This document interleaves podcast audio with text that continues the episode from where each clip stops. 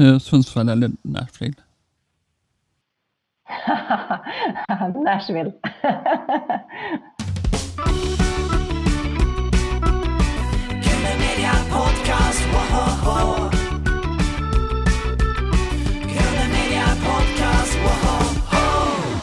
Välkommen eh, Jessica Falk till Grunden Media Podcast med Carl-Magnus Eriksson och Jakob Olsson. och Erik Jensen. Välkommen till podden. Tack, vad kul. Ja, vad kul att få vara med. Ja. Tack. Du är så välkommen. hur är läget med dig idag Jessica? Det är jätte, jättebra. Det bubblar liksom i mig nu, för jag har ju releasekonsert här. Jag släpper min EP Survivors på fredag. Det är jätte, jättespännande. Mm. Så vi ska repa idag med bandet eh, ikväll, sån här proddrep kallar man det för. Och ehm, wow, det känns så häftigt. Vi blir ju nio musiker på scen. Scalateatern är det va? I. Exakt, i Stockholm. Hur är premiärnerverna här nu då? Det känns jätte, jättespännande och fint och eh, kärleksfullt på många sätt. Och det här är ju liksom det största jag har gjort i Sverige. Mm. Jag har ju jobbat i Nashville sedan 2010 under ja, längre perioder och flera gånger per år, eh, ja, flera gånger per år Mm. sedan dess. Eh, och spelat och turnerat där. Men det här är första gången som det händer så mycket roligt i Sverige för mig med min musik. Och Mm. den sprids liksom över hela världen verkar det som nu. Så att, eh, jag känner bara att det är som ett eh, stort rött hjärta liksom. Wow. så himla Ja. glad och tacksam. Ja, Eh, vill du presentera dig själv för lyssnarna i vår podcast? Ja, men jag heter Jessica och jag är uppväxt i Sundsvall. Mm. Och eh, jag har gått musikgymnasiet i Härnösand. Mm. Och det var typ den bästa tiden i mitt liv för jag fick spela och spela och spela. Mm. Och, eh, så jag har, jobbat som, jag har jobbat med musik i många, många olika former genom hela mitt liv. För att jag, många har ju en dröm att bli artist just och är fokuserad på det. Men jag har faktiskt aldrig drömt om det utan mitt, eh, mitt kall eller ja, det jag känt har varit väldigt viktigt för mig är att möta människor i musiken. Mm. Och, och i min väg så har det kommit sig så att jag har jobbat som musiklärare i jättemånga år, skrivit musikaler där alla barnen har fått vara med. Jag jobbar som pianolärare på Kulturskolan i Sundsvall. Jag har suttit i pianobarer, jag har lett eh, gospelkörer, jag har haft babysång, jag jobbar som musikterapeut med stroke patienter och inom omsorgen med olika varianter av funktionsnedsättning. Och sen så är jag också ambassadör för Hjärnskadeförbundet Hjärnkraft. just det. Mm. Så lite så. Eh, och just nu så, ja nu är jag, nu jobbar jag fullt som artist. Mm. Sen eh, 2010 började jag skriva musik och spelade in eget material. Och jag hade inte tidigare gjort det, utan ja, vi kan ju berätta lite mer sen vad, hur jag hamnade där. Det bara blev så. Ja, men precis. The Nashville Sessions kommer ut till sen då. Ja. Ja, spännande. Det är, det är en hel, eh, ett pärlband med erfarenheter eh, och olika musikaliska vinklar och vrår och sådär som har format dig då. Ja, exakt. Format mig och jag har behövt alla de här åren och gjort alla de här sakerna för att kunna vara jag fullt ut idag. Det, det tog 50 år. Ja. jag, jag fyllde ju 50 i somras, här, men alltså, det är så fint faktiskt. Det är som ett gammalt årgångsvin kanske. Men Man jag har mognar. inte... Mm. Ja, men faktiskt. Och jag har varit... eh, Jag är en väldigt blyg person och har haft eh, ganska tuffa perioder i mitt liv som har gjort att jag har inte vågat blom, blomstra fullt ut. Mm. Eh, Jag har gjort det i Nashville och de har hjälpt mig eh, att komma hi- hit där jag är idag, att våga tro på mig, för de har trott på mig. Så då har jag tänkt att ja, men om de tror på mig så otroligt som låtskrivare och musiker och sådär och gillar mig som person så tänker jag att ja, men då måste jag respektera det och försöka peppa mig själv att eh, gå all in för det. Ja. Och eh, idag så, så vågar jag det. Och, eh, så det känns otroligt fint att få dela eh, ja, men den här kvällen som på fredag då, eh, med 300 människor. Mm. Ska det handla om Nashville eller ska det, vad ska det handla om på fredag? Ja, min musik är ju enbart inspelad där i Nashville så att det kommer bli en konsert och eh, det kommer bli låtar från allt jag har gjort från 2010 som jag har gjort lite ny eh, tappning på. Eh, ännu mer country faktiskt. Eh, och sen spelar vi såklart de här fyra låtarna från EPen Survivors som kommer. Och eh, ja, det kommer bli fullt drag kan man säga. Vi har ju tjuvlyssnat lite. Eh, Det är intressant det här med du säger om självförtroende. För jag tycker de här, när man lyssnar på de här låtarna nu så det lyser självförtroende. Det är faktiskt så här att jag, jag har skrivit de här låtarna till mig själv genom, mm. genom alla svårigheter. Och jag mm. gjorde det för att jag skulle klara lite till. Liksom. Så ja. nu hoppas jag att alla människor som kämpar med sitt där ute mm. ska känna en kraft och hopp och pepp från mig och mina texter och min musik eh, som jag kände när jag skrev de här låtarna. För att och att jag hoppas att människor vågar leva sitt liv och inte vänta mm. till sen. För man vet inte om det blir ett sen. Mm. Och jag har så himla mycket erfarenheter och var själv jättenära att dö eh, 2016 och oh, 2018. Jag, var jätte, jag blev svårt sjuk och mm. Eh, fick kämpa mig tillbaka till livet. Och eh, det är väl därför också den här EPen heter Survivors. We are all survivors in this life. Mm. Eh, det är inte bara liksom att man klarar sig igenom en svår sjukdom, utan det kan vara vad som helst. Det kan vara depressioner, det kan vara mm. andra svårigheter som mobbning, ja men you mm. name it. Mm. Och det är liksom, man kan inte jämföra sig med någon, för alla kämpar med sitt. Mm. Men det jag vill förmedla är att många gånger så tror vi människor att vi är ensamma i vår kamp. Ja. För att vi är lite rädda för att dela med oss. Va? Men när vi vågar öppna en liten, liten dörr på glänt så märker vi att ja, men, det är fler som är med om svåra saker. Och ja, ja. Man, kanske, man behöver ju inte ha alla svar, men man kan finnas där och ge en kram eller klappa axeln och ja, lyssna. Mm. Så vad kul att du har självförtroendet. Jag, jag har ju det idag. Mm. Men när jag skrev de här låtarna från 2013, 2015, ja, vägen fram hit, mm. så hade jag inte det. Utan det här var ett sätt för mig att hitta fram, kan man säga kan tänka mig att det har varit mycket nerver och lite fjärilar senaste månaden här inför släppet. Då. Eh, du gör rätt mycket i den här PR-processen också. Precis, det är ett mm. enormt arbete bakom. Det är ju ingenting som sker över en natt. Alltså dels hela processen att ta fram de här låtarna, producera dem och spela in dem i Nashville och sen mm. få fram bra material som foto. Ja, men, och sen har jag haft otroligt tur att eh, eh har ja, fångats upp av ett fantastiskt fint team och eh, ett management eh, med Jenny Björk i spetsen. Mm.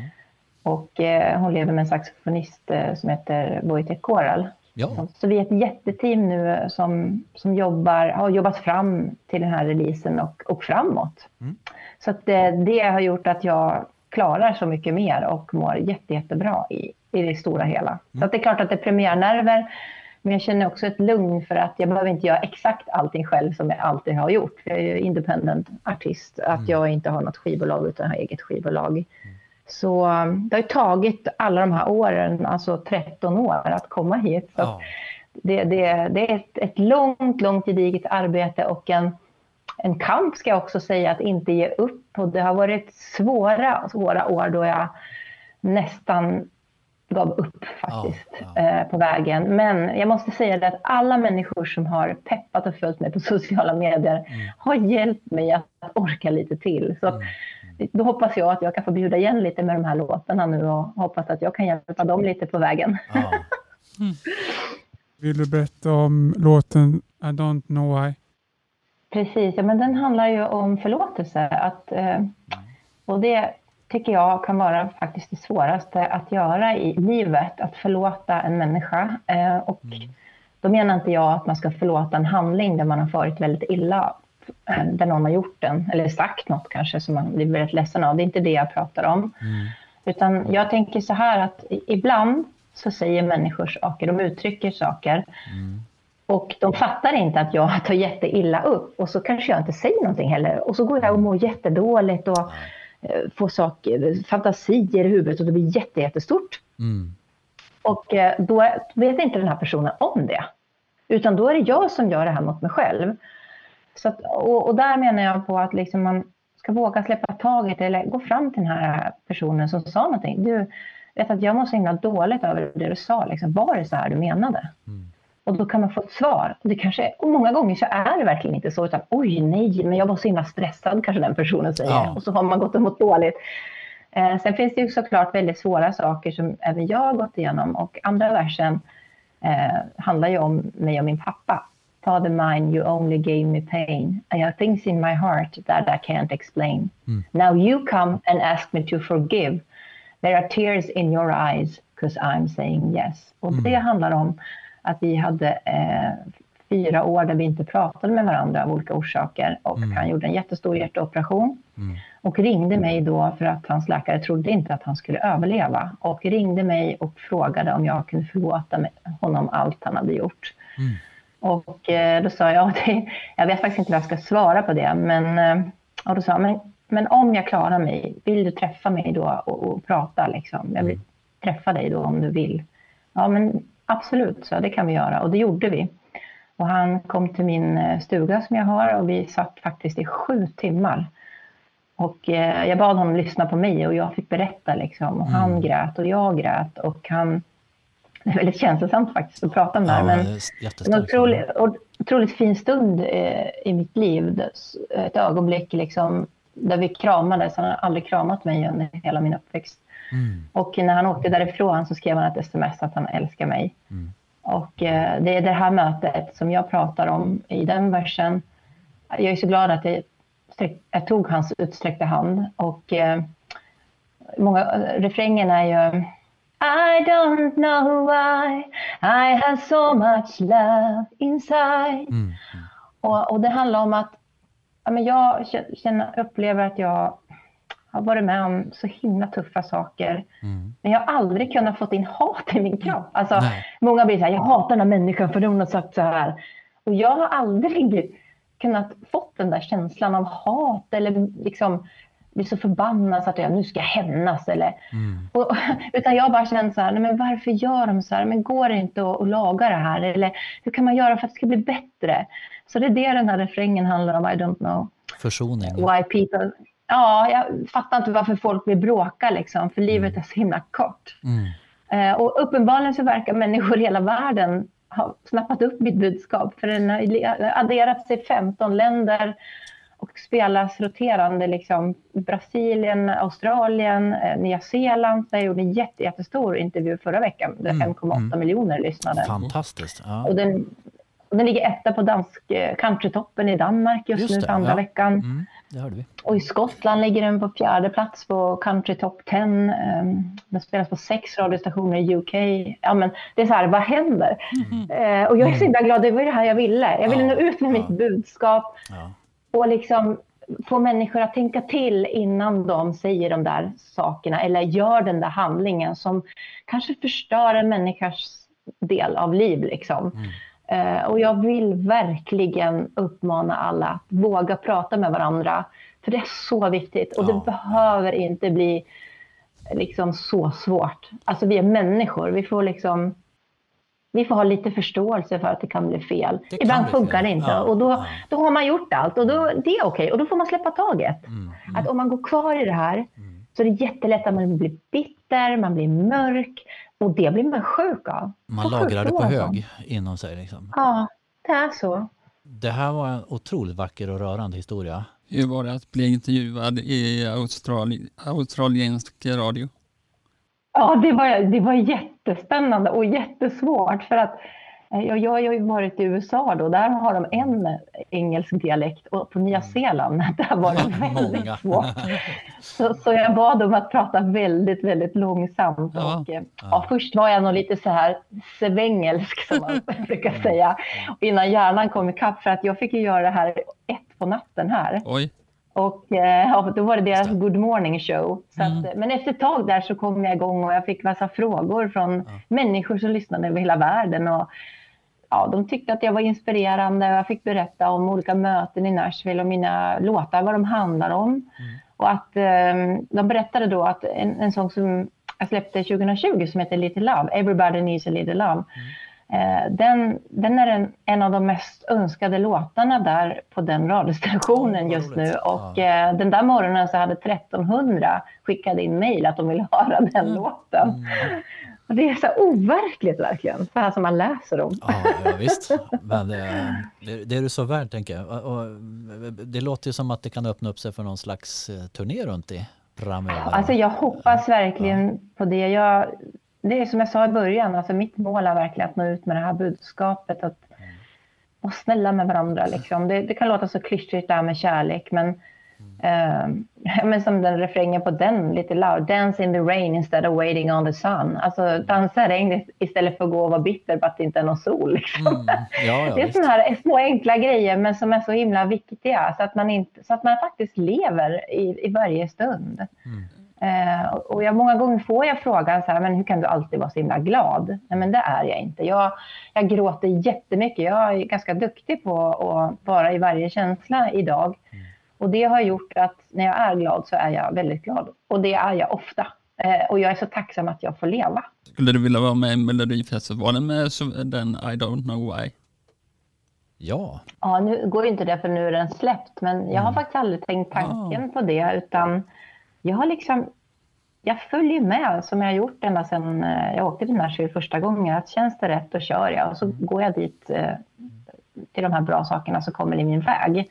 Och känns det rätt då kör jag liksom.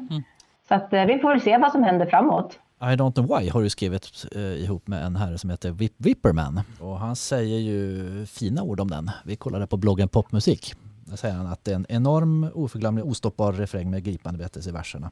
Kärleken erövrar allt och helar allt och leder till ren glädje i refrängen. En skinande ny låt med oändliga möjligheter. Tack, skriver han. Och vi håller med. Och jag ryser lite faktiskt, Ja. men det, det är ju det som har börjat hända faktiskt när Ja. det bubblar lite här och var i världen. Det, jag hade aldrig kunnat tro det, men den är ju jätte, jättestark för mig och jag hoppas att människor kan höra och känna det. Och VIP, han var faktiskt med på eh, första inspelningen av The Nashville Sessions, mitt första album, 2010. Då var han där som gitarrist. Och eh, han älskade mina melodier. Och jag sa det, ja men jag har ju bara skrivit de här fyra liksom och jag, de kom till under en promenad. Och han, då skrattade han och så, och så frågade jag frågade honom så här, ja, men hur funkar det för dig då? För han har haft en Billboard-etta. Eh, och eh, och hur funkar det för dig? Går du också promenader? och då sa han, eh, alltså det har hänt mig en gång, så att eh, fortsätt du att att gå promenader så kommer du lyckas.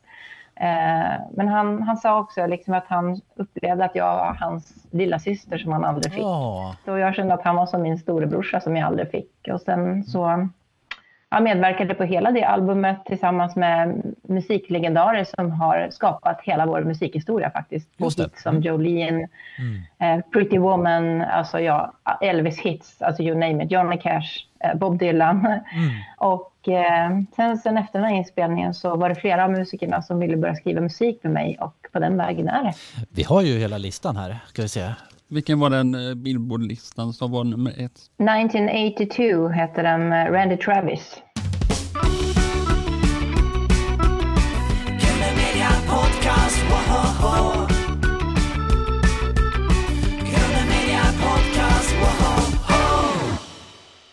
Hur känns det att sitta i studion och backas upp av legendarer som eh, Greg Morrow, Bobby Wood, Scott Baggett. eh, vi pratar om folk som har spelat med Elvis och uh, Alison Krauss och Dolly Parton och så. Det är fortfarande overkligt, Ja. men när jag, när jag blev inbjuden av Charlie McCoy, en harmonikaspelare, eh, världens bästa faktiskt, eh, som invalde Country Music Hall of Fame i Nashville och även nu i Grand Ole Opry-familjen som är det största du kan bli utnämnd till i, där då.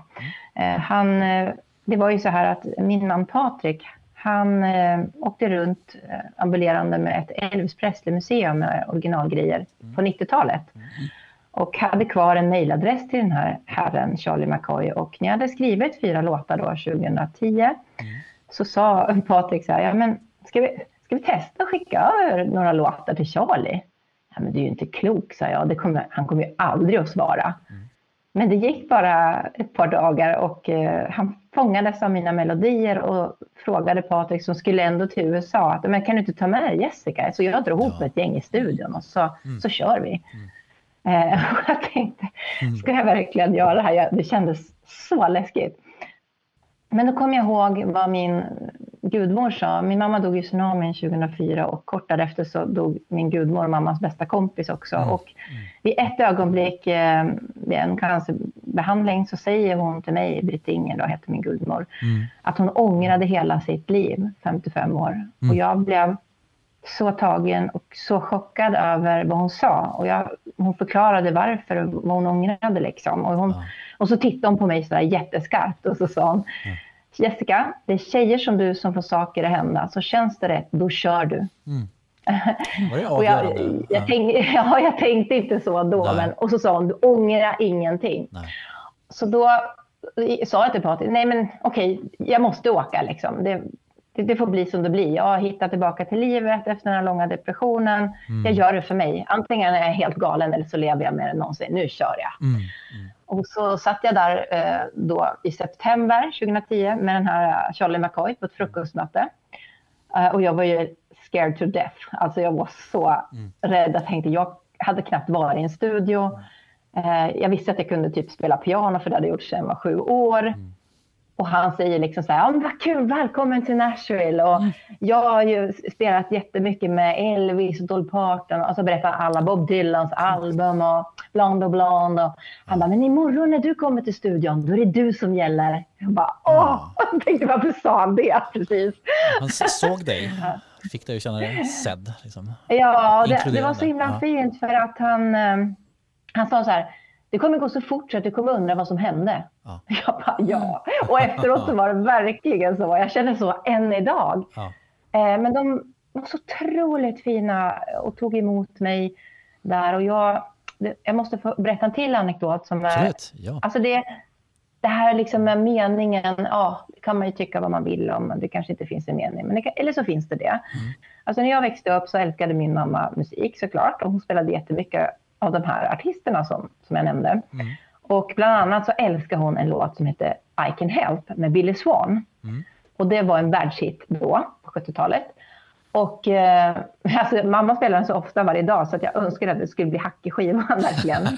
Hon stod där, hon stod där i sina blå mysbyxor och rörde i kalopsen och hon var så himla glad min mamma. Hon var så, älskade att laga mat och ja, men jag, jag kan känna igen mig i henne sådär. Ja. Och ehm, så säger Charlie efter det här frukostmötet att ja, men jag kan väl få guida dig lite så här i Nashville. Och du kan, jag skulle vilja eh, introducera dig för några vänner till mig. Ja, men jättekul. Ja, Jag undrar vilka det kan vara, tänkte jag. Så här. Och eh, så stannar vi bland annat eh, vid ett hus. Och, eh, hade, han sa ingenting, utan vi knackade på där. Det här var alltså första gången jag var i Nashville. Jag hade sagt ja till livet efter min mammas död. Ja. Och eh, så öppnar en herre alltså, med skägg och han tittar på mig och jag tittar på honom och han säger Hello, my name is Billy Swan. Jag tänkte, vänta nu, Billy Swan? Nej men nu vänta, det kan inte vara möjligt. Jag tänkte, är det någon som skojar med mig? Och jag, och jag började ju asgarva, så här, excuse me, liksom. Men då berättade jag hur mycket min mamma tyckte om den här låten och hur hon omkom. Och han säger det, men, alltså, du måste bara komma in här, sätt dig här vid, vid mig på pianostolen så ska jag spela I can help. Och jag sitter där och tänker, men mamma, ser du mig nu här? alltså I can help live, i, hos Billy Swan. Ja. Så jag sa till min man Patrik, du måste ta ett foto för ingen kommer tro mig. Mm. Eh, ja, men så där har Ja. det fortsatt liksom, Ja, hela tiden. Och, eh, ja, mening eller inte, men det kändes som livet sa till mig att hallå, vad bra att du lever. För Ja, att om du hade tackat nej till det här så hade du missat alltihop. Ja. Den här berättelsen som du förmedlade där då. Eh, starkt, starkt blev- för honom också tänker jag. Ja, men absolut. Han blev väldigt... Eh, ja, först blev han väldigt tyst och eh, han beklagar ju såklart sorgen. Och han, Ja. Sen skrattade han ju åt att jag hatade den där låten ett tag. när jag var tonåring. Och han, ja, men det var ju en lite ro, rolig historia ändå Ja. i mitt i det sorgliga. Och jag sa det, men jag sa, ja, men när jag skriver de här låtarna, jag ska spela in med Charlie McCoy så, och han är min producent. Och han sa, men då kan det bara bli bra liksom, för han är Mm. bäst. Jag bara, åh.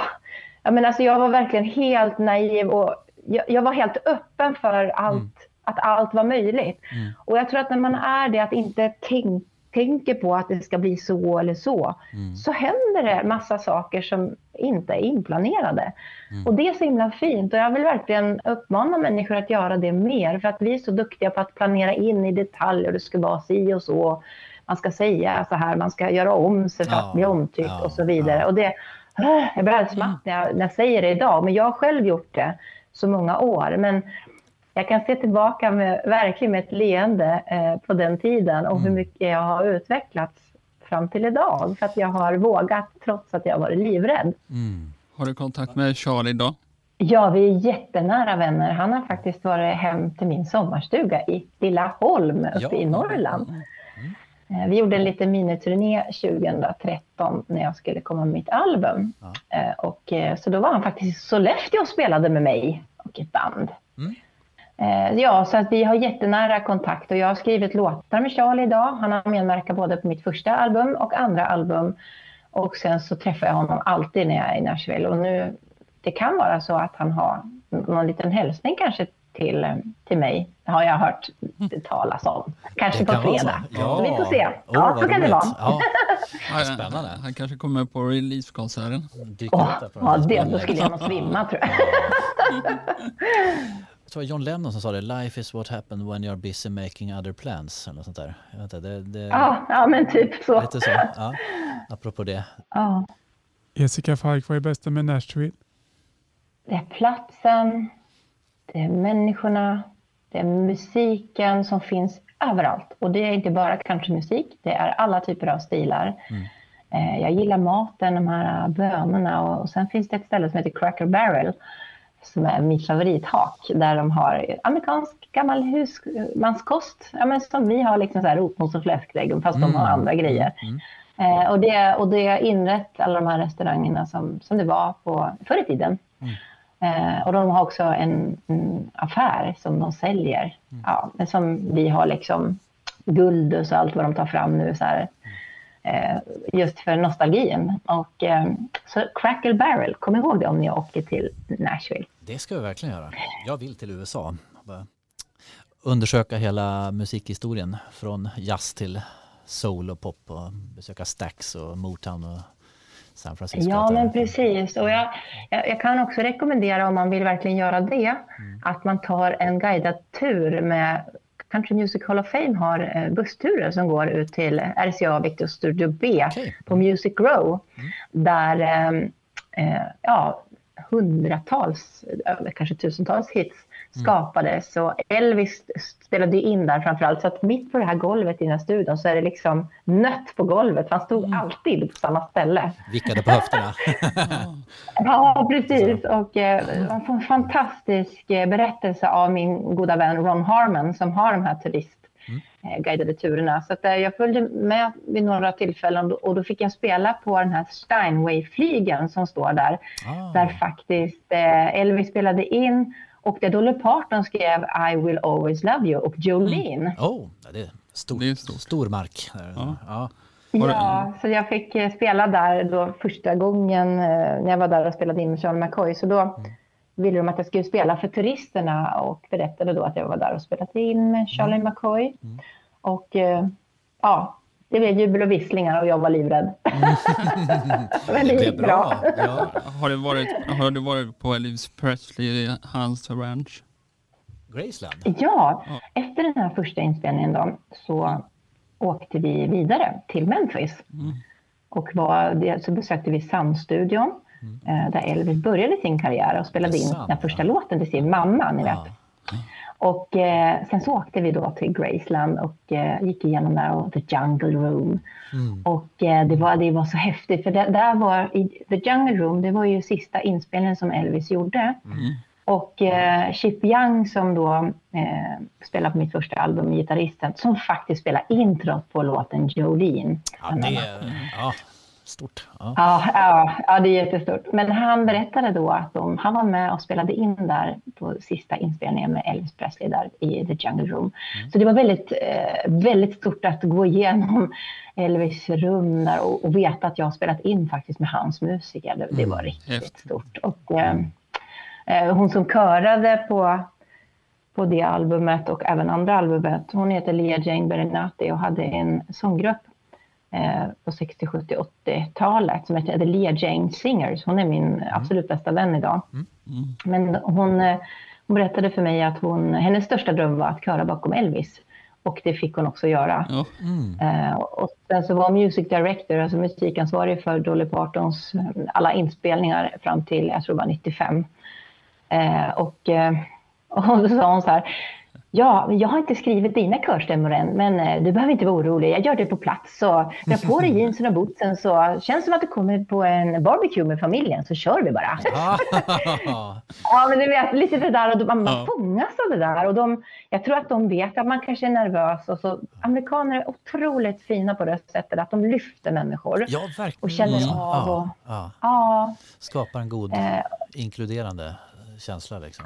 Precis. Och jag då som, som svensk och kom dit och jag trodde först inte på dem. För de sa så otroligt fina ord till mig att, ja men de pratade om mitt pianospel. Att de, de sa, vi har mött många pianister men jag har aldrig hört någon med ditt anslag. Alltså, Och din sångröst är så unik så att skulle vi höra dig någon annanstans i världen så skulle vi veta att det var du. Och jag liksom kände inom mig så här, ha, ja, ja, det är snyggt att säga ja, i Amerika. Så här. Ja, men alltså, jag, vågade, jag kunde inte tro på det, men jag kände att jag var tvungen att åka tillbaka dit. Eh, Och det gjorde jag ju i januari 2011, så det var bara några månader emellan. Och det var samma då. Varenda gång jag har varit där så har det varit samma känsla, samma fina människor, samma bemötande. Och då har jag tänkt så här att om de bemöter mig så här så måste jag av respekt också faktiskt fatta att det här är på riktigt. Jag kan inte bara säga att nej men, inte, nej, men jag är inte så bra. Utan så här norrländskt och jante liksom, som jag är uppväxt med. Utan, jag bes- jag har jobbat jättehårt med att säga tack och verkligen så här, okej, det här sa de. Och så skrev jag upp det i dagboken och så läste jag det så flera gånger för att jag ja. skulle fatta. Det var jätte, jättesvårt för mig och eh, ja, men jag berättade om min pappa här i början och han hatade verkligen att jag spelade piano. Han ville att jag skulle sluta att spela piano. Det var liksom varje dag Var under så så, många år. Ja, ja. Eh, vilket gjorde, har gett mig en väldigt, väldigt låg självkänsla och jag har, inget, har inte haft något självförtroende och inte trott någonting om mig själv. Eh, så att det har varit en jättesvår resa för mig. Och, eh, Så jag, därför är jag så extra glad att jag står här idag och får göra det här. Det de säger Mm. här om din sång och ditt pianospel, vi är fullt beredda att hålla med där. Din sång sticker ut.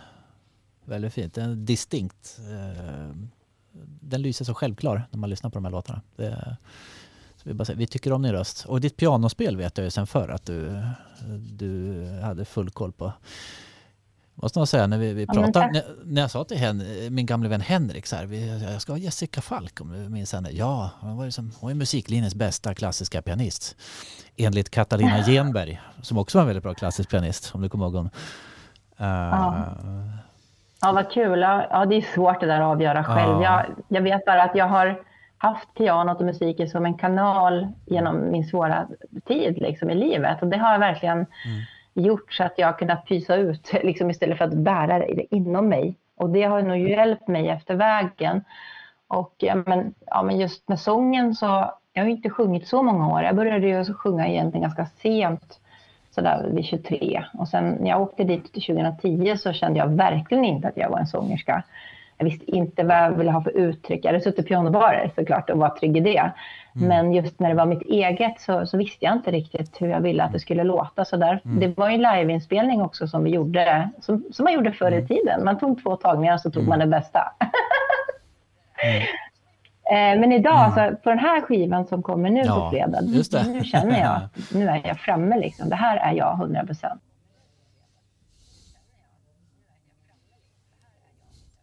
Vem är den mest eh, kändaste du har träffat i Nashville och um, umgås ni fortfarande? den mest kända. Åh, ja, det... Vem ska jag välja tänkte jag säga. Sprang du Men på jag kan Dolly faktiskt Parton? berätta. Eh, nej, faktiskt. Hon, hon är väldigt eh, försiktig med det. Hon, hon, hon är väldigt privat. Sådär. Ja, Men eh, jag har ju träffat eh, en herre som heter Garth Brooks. Ja, Som, eh, han är ju en av de absolut största i USA. Okej. Och eh, då var det faktiskt så här, nu kommer det till en anekdot här. Alltså, Bring när it jag on. spelade in, jag älskar det. när jag spelade in eh, mitt andra album, Just Do It, eh, 2014. Då sa han så här till mig, Garth, att "Oh, Wow, spelar du in och skrivit låtar med Bobby Wood? Ja, grattis, det kan ju bara bli hur bra som helst, sa han då. Lycka till. Eh, men eh, det är sådana möten, men man lär ju inte känna dem eh, så. Liksom. Men sen också i den studion som jag numera spelar in, som jag har spelat in allt från 2013. eh, Den studion ligger i ett annat område som har blivit liksom det mest eh, säga, musikbubblande området där man spelar in idag, eh, Berry Hill. Och i den här studion, Addiction Studios, som jag älskar att vara i, den eh, hade en kille som heter Jonathan Kane var ägare fram till faktiskt i 2022. Han eh, har skrivit den här låten Don't Stop Believin'. Don't stop believin', eh, gruppen Journey. Och eh, jag blev inbjuden att spela in där. Eh, Han, fantastisk flygel som han hade letat runt hela jorden för att hitta just den flygeln han ville ha. Så den har han flugit in från Italien. och, eh, så jag blev erbjuden att börja spela in där och eh, då hoppades jag ju såklart att jag skulle få träffa honom eftersom jag själv har spelat den här låten i pianobarerna hur många gånger som helst. Eh, och då sa jag till min producent Scott Baggett att tror att det är möjligt att jag skulle kunna få träffa Jonathan. Ja, alltså han är inte här jätteofta. Han, men men eh, ja, det kan ju hända, men jag tror inte det. Så. Men vi sticker iväg och köper lite lunch så länge. Du kan ju vara kvar här om du vill. Jag bara okej. Så satt jag där längst bak i studion, det var jättesköna fåtöljer och med det här stora mixerbordet som faktiskt eh, Fleetwood Mac har spelat in alla sina hits på. Ja, Och även Journey har spelat in sina hits där och alla album. Och så kommer det in då, när jag sitter där helt tyst för mig själv, så kommer det in en grupp personer och börjar mixa där på bordet och de ser inte mig så här och så börjar de spela musik och de diggar så här och sen så märker han, ena killen, att det sitter någon så han vänder sig om och, och, och tittar på mig så här. Aj, tjena, eh, vad tycker du? Låter det bra eller? Och tänkte, men gud, det är ju han. Det är han, Jonathan Kane. och jag blir alldeles så här, åh, it's an honor to meet you. Och eh, han bara, vad kul att du vill spela in här. Och, ja, men jag bara, ja, men vad tyckte du om låtarna? Det var nya, liksom, våra nya låtar. Jag bara, ja. Åh, det fantastiskt, vad skulle jag säga. Liksom. Jag varit alldeles överväldigad. Och Ja, eh, efter en stund så går de ut eh, och jammar lite grann på den här flygen. Och, han, och så hör jag introt på Don't Stop Believin'. Ja. Och jag bara ringer hem till min man som är i Sverige. Där. Hör du, hör du? Han bara, ja men det är Don't Stop Believin'. Ja men det är nu live! Jonathan Kane live i studion. Men, ja, Han bara, precis. Silva! Så det var också en sån här jättegrej som jag aldrig kommer att glömma verkligen. Så att vi tog en selfie där.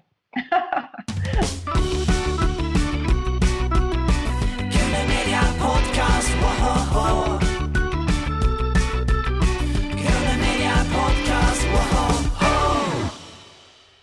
Alltså, a- alla dessa intryck. Det måste vara som en, eh, här, en tryckvåg av intryck med, med liksom overklighetskänsla tänker jag. Men, alltså, när ja. man kommer över det, alltså, då ser man att det här är också vanliga människor som, som är, arbetar. Ja, men precis. För folk har frågat mig även där hur jag lyckas med det här och inte har något megaskivbolag. Liksom. Och jag, jag, då har jag alltid sagt så här, att jag inte vet, men jag, I'm just me. Jag är bara jag. Och det har jag alltid sagt till mig själv att när jag har varit osäker, att vad än du gör, var dig själv. Ja, För de kommer märka om du gör det till eller någonting. Så jag tänkte så här, jag har spelat piano hela mitt liv, jag kör. Och du vet att komma in i den där studion då, som är otroligt exklusiv. Alltså det finaste studion jag någonsin har sett i hela Ja, mitt liv. ja. Och så kommer liksom trummisen Chad Cromwell var det då på det albumet. Ja. Eh, och han liksom flygs in av Dave Stewart till hans jakt liksom i, någonstans i havet. Dave. Ja, Dave. exakt. Ja. Ja. exakt. Ja, han spelar ju med Carrie Underwood, Keith Urban, eh, Brad Paisley, du vet, Ja. alla de här. Spelar in också i den här studion. Och så kommer jag då, ja det här är mina låtar.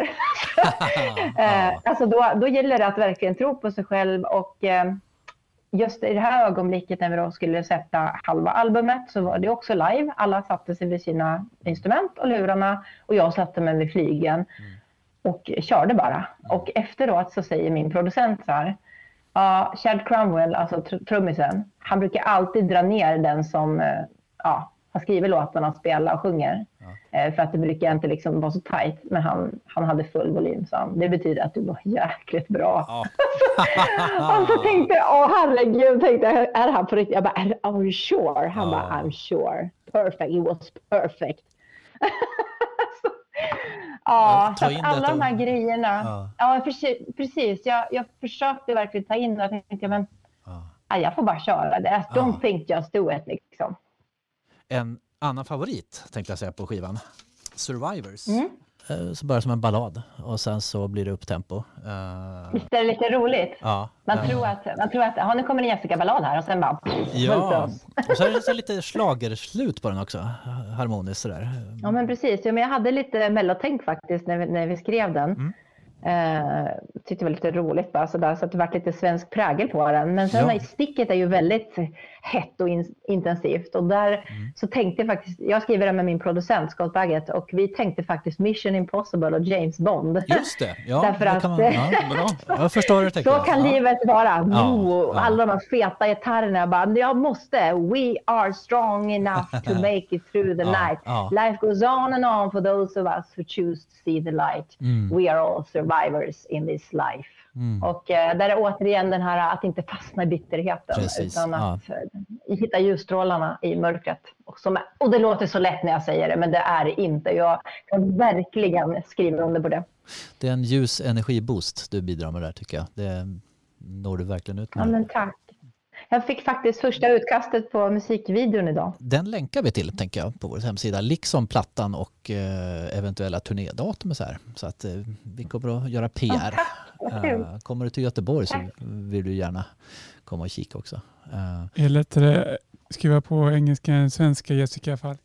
Jag får frågan varför jag skriver på engelska. Och jag kan faktiskt inte svara på det för att eh, den här dagen jag bestämde mig för att börja leva efter fem år av djup depression så var det bara en engelsk text som kom till mig och en melodi. Och eh, det var ingenting jag verkligen tänkte på utan de har liksom bara ramlat över mig ska jag säga och det har blivit på engelska och idag kan jag känna så här, ja men det kanske också var meningen för att nu fattar ju hela världen alla mina låtar. ja, Eh, så att jag, jag, jag tycker det är jättesvårt. Jag tycker inte att jag är bra på engelska så, men eh, jag har verkligen haft som verkligen förmånen nu då, att jobba med de här otroliga låtskrivarna eh, bort i Nashville. Och eh, så här jobbar vi när vi skriver låtar. Det är oftast jag som skriver melodierna.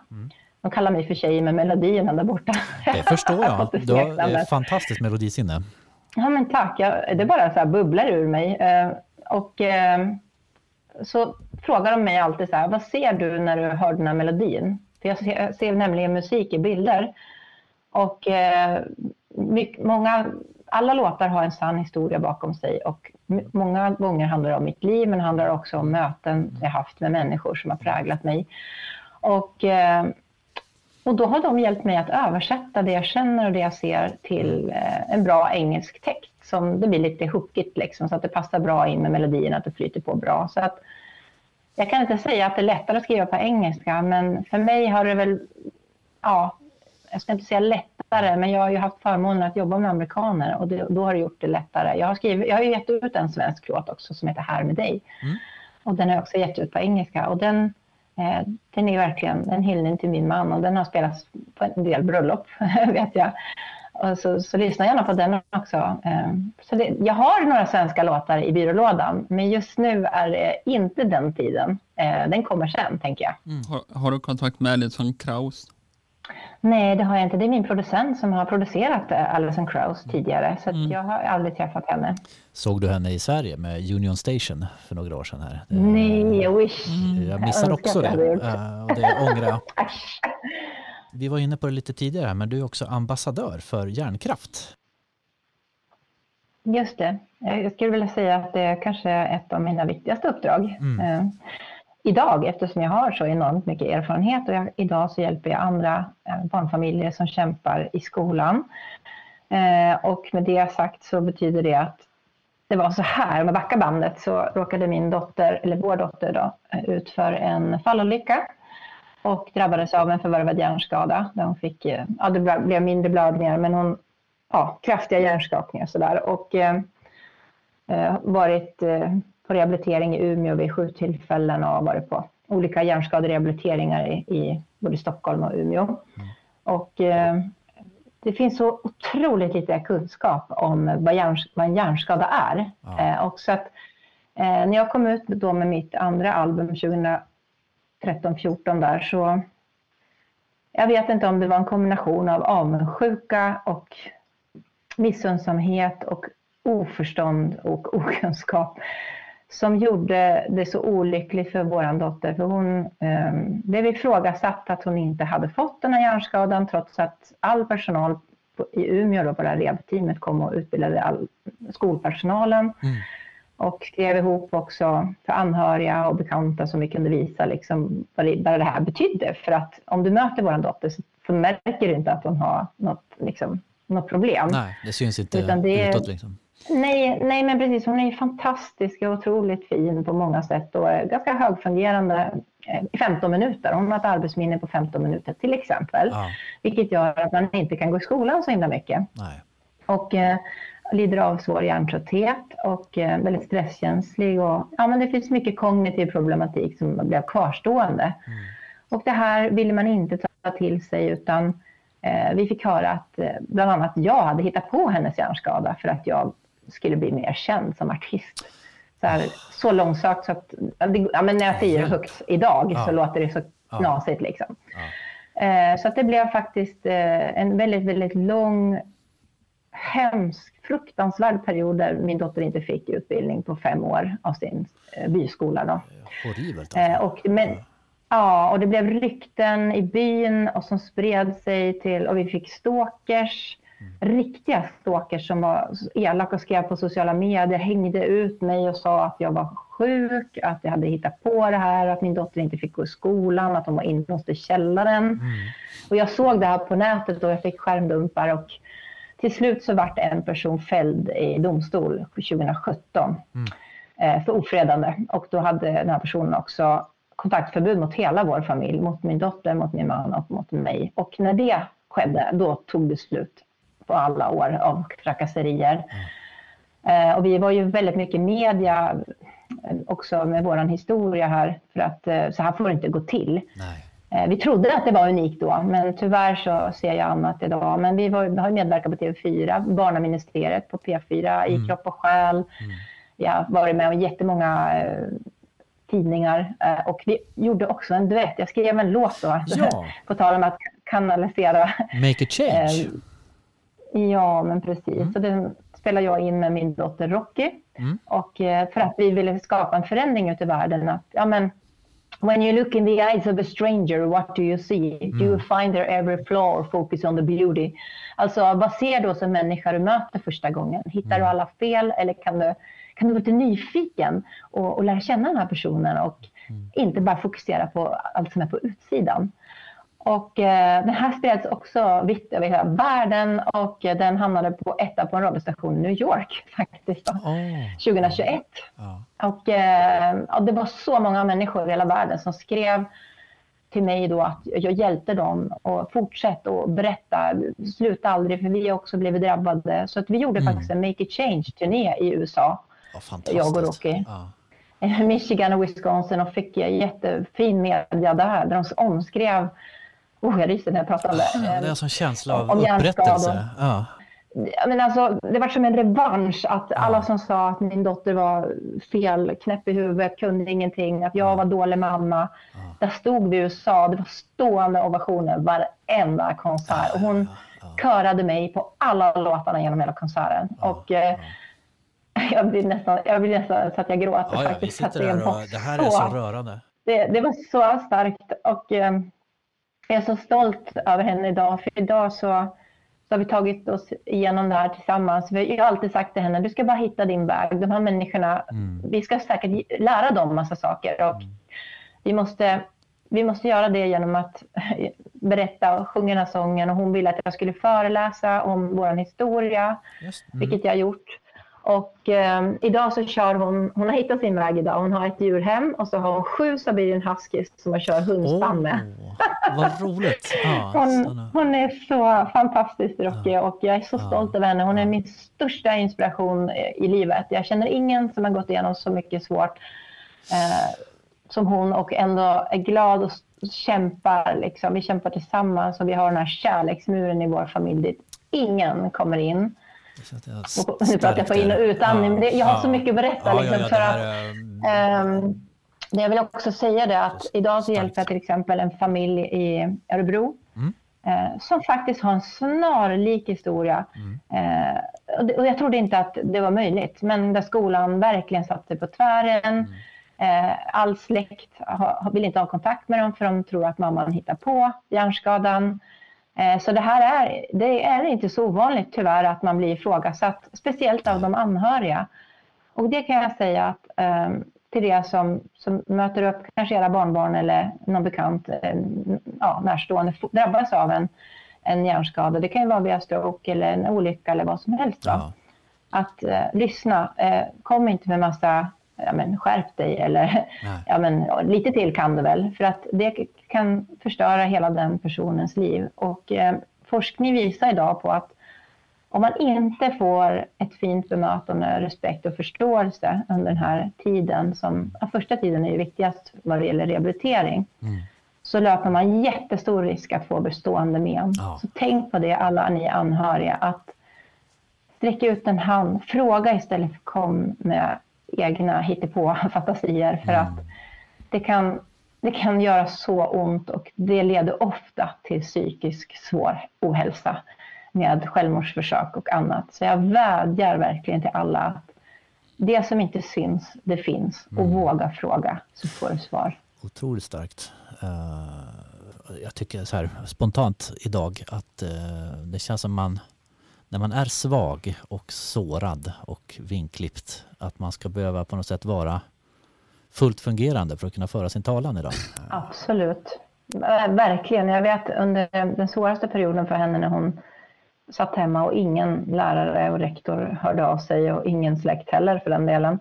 Så lyssnade hon. Hon plockade ut låtar som eh, hon sa sen så här, nu har du lyssnat på den här 20 gånger kunde jag säga. Ja men det är så, så här känner jag idag, så här mår jag idag. Och så, då fick jag gå in och lyssna på den här låten, vad den texten handlade om, så förstod jag precis hur hon mådde. Så hon kanaliserade sina känslor på Ja, det sättet ja. och satt och sjöng. Så att eh, musiken är fantastisk. Verkligen Ja, att eh, music heals, alltså den läker, kan läka väldigt, väldigt mycket och kan få fart på rehabilitering. Ni får ta till er sån här poddmöte för att berätta om det. Här var, det här var, så, ja, men det här var så rörande och vackert Jessica. Så vi, du märker, vi vill ju sitta i timmar. Eh, vad gör dig glad? Det som gör mig mest glad är när jag kan glädja någon annan. Det, är- det är att, att liksom, ja men det kan vara bara att lyssna och att en, eller att peppa någon. Alltså vi är så, ibland så dåliga här i Sverige tycker jag att säga liksom, men vilken, vad fint du har gjort eller vad bra jobbat. Att, att våga berömma varandra liksom. Och det, det är nog det som gör mig mest glad, att göra andra glad. För då blir man glad själv. Dubbel glädje. Dela, dela glädje, dubbel glädje. Det här gör ju oss glada. Jag menar, det här starka och berörande som du berättat om och den här, så att säga, känsla av upprättelse och revansch och förståelse. Och du är värd all den här framgången. Och det hoppas vi att eh, det blir med den här nya skivan också då. Som vi hoppas att folk där ute lyssnar på. Ehm, Survivors. Vad gör du om tio år? Då har jag släppt ett album på svenska. ser vi också fram emot. Vi har en liten grej vi brukar avsluta med som heter Fem snabba. Mm. kommer Fem snabba med Jessica Falk.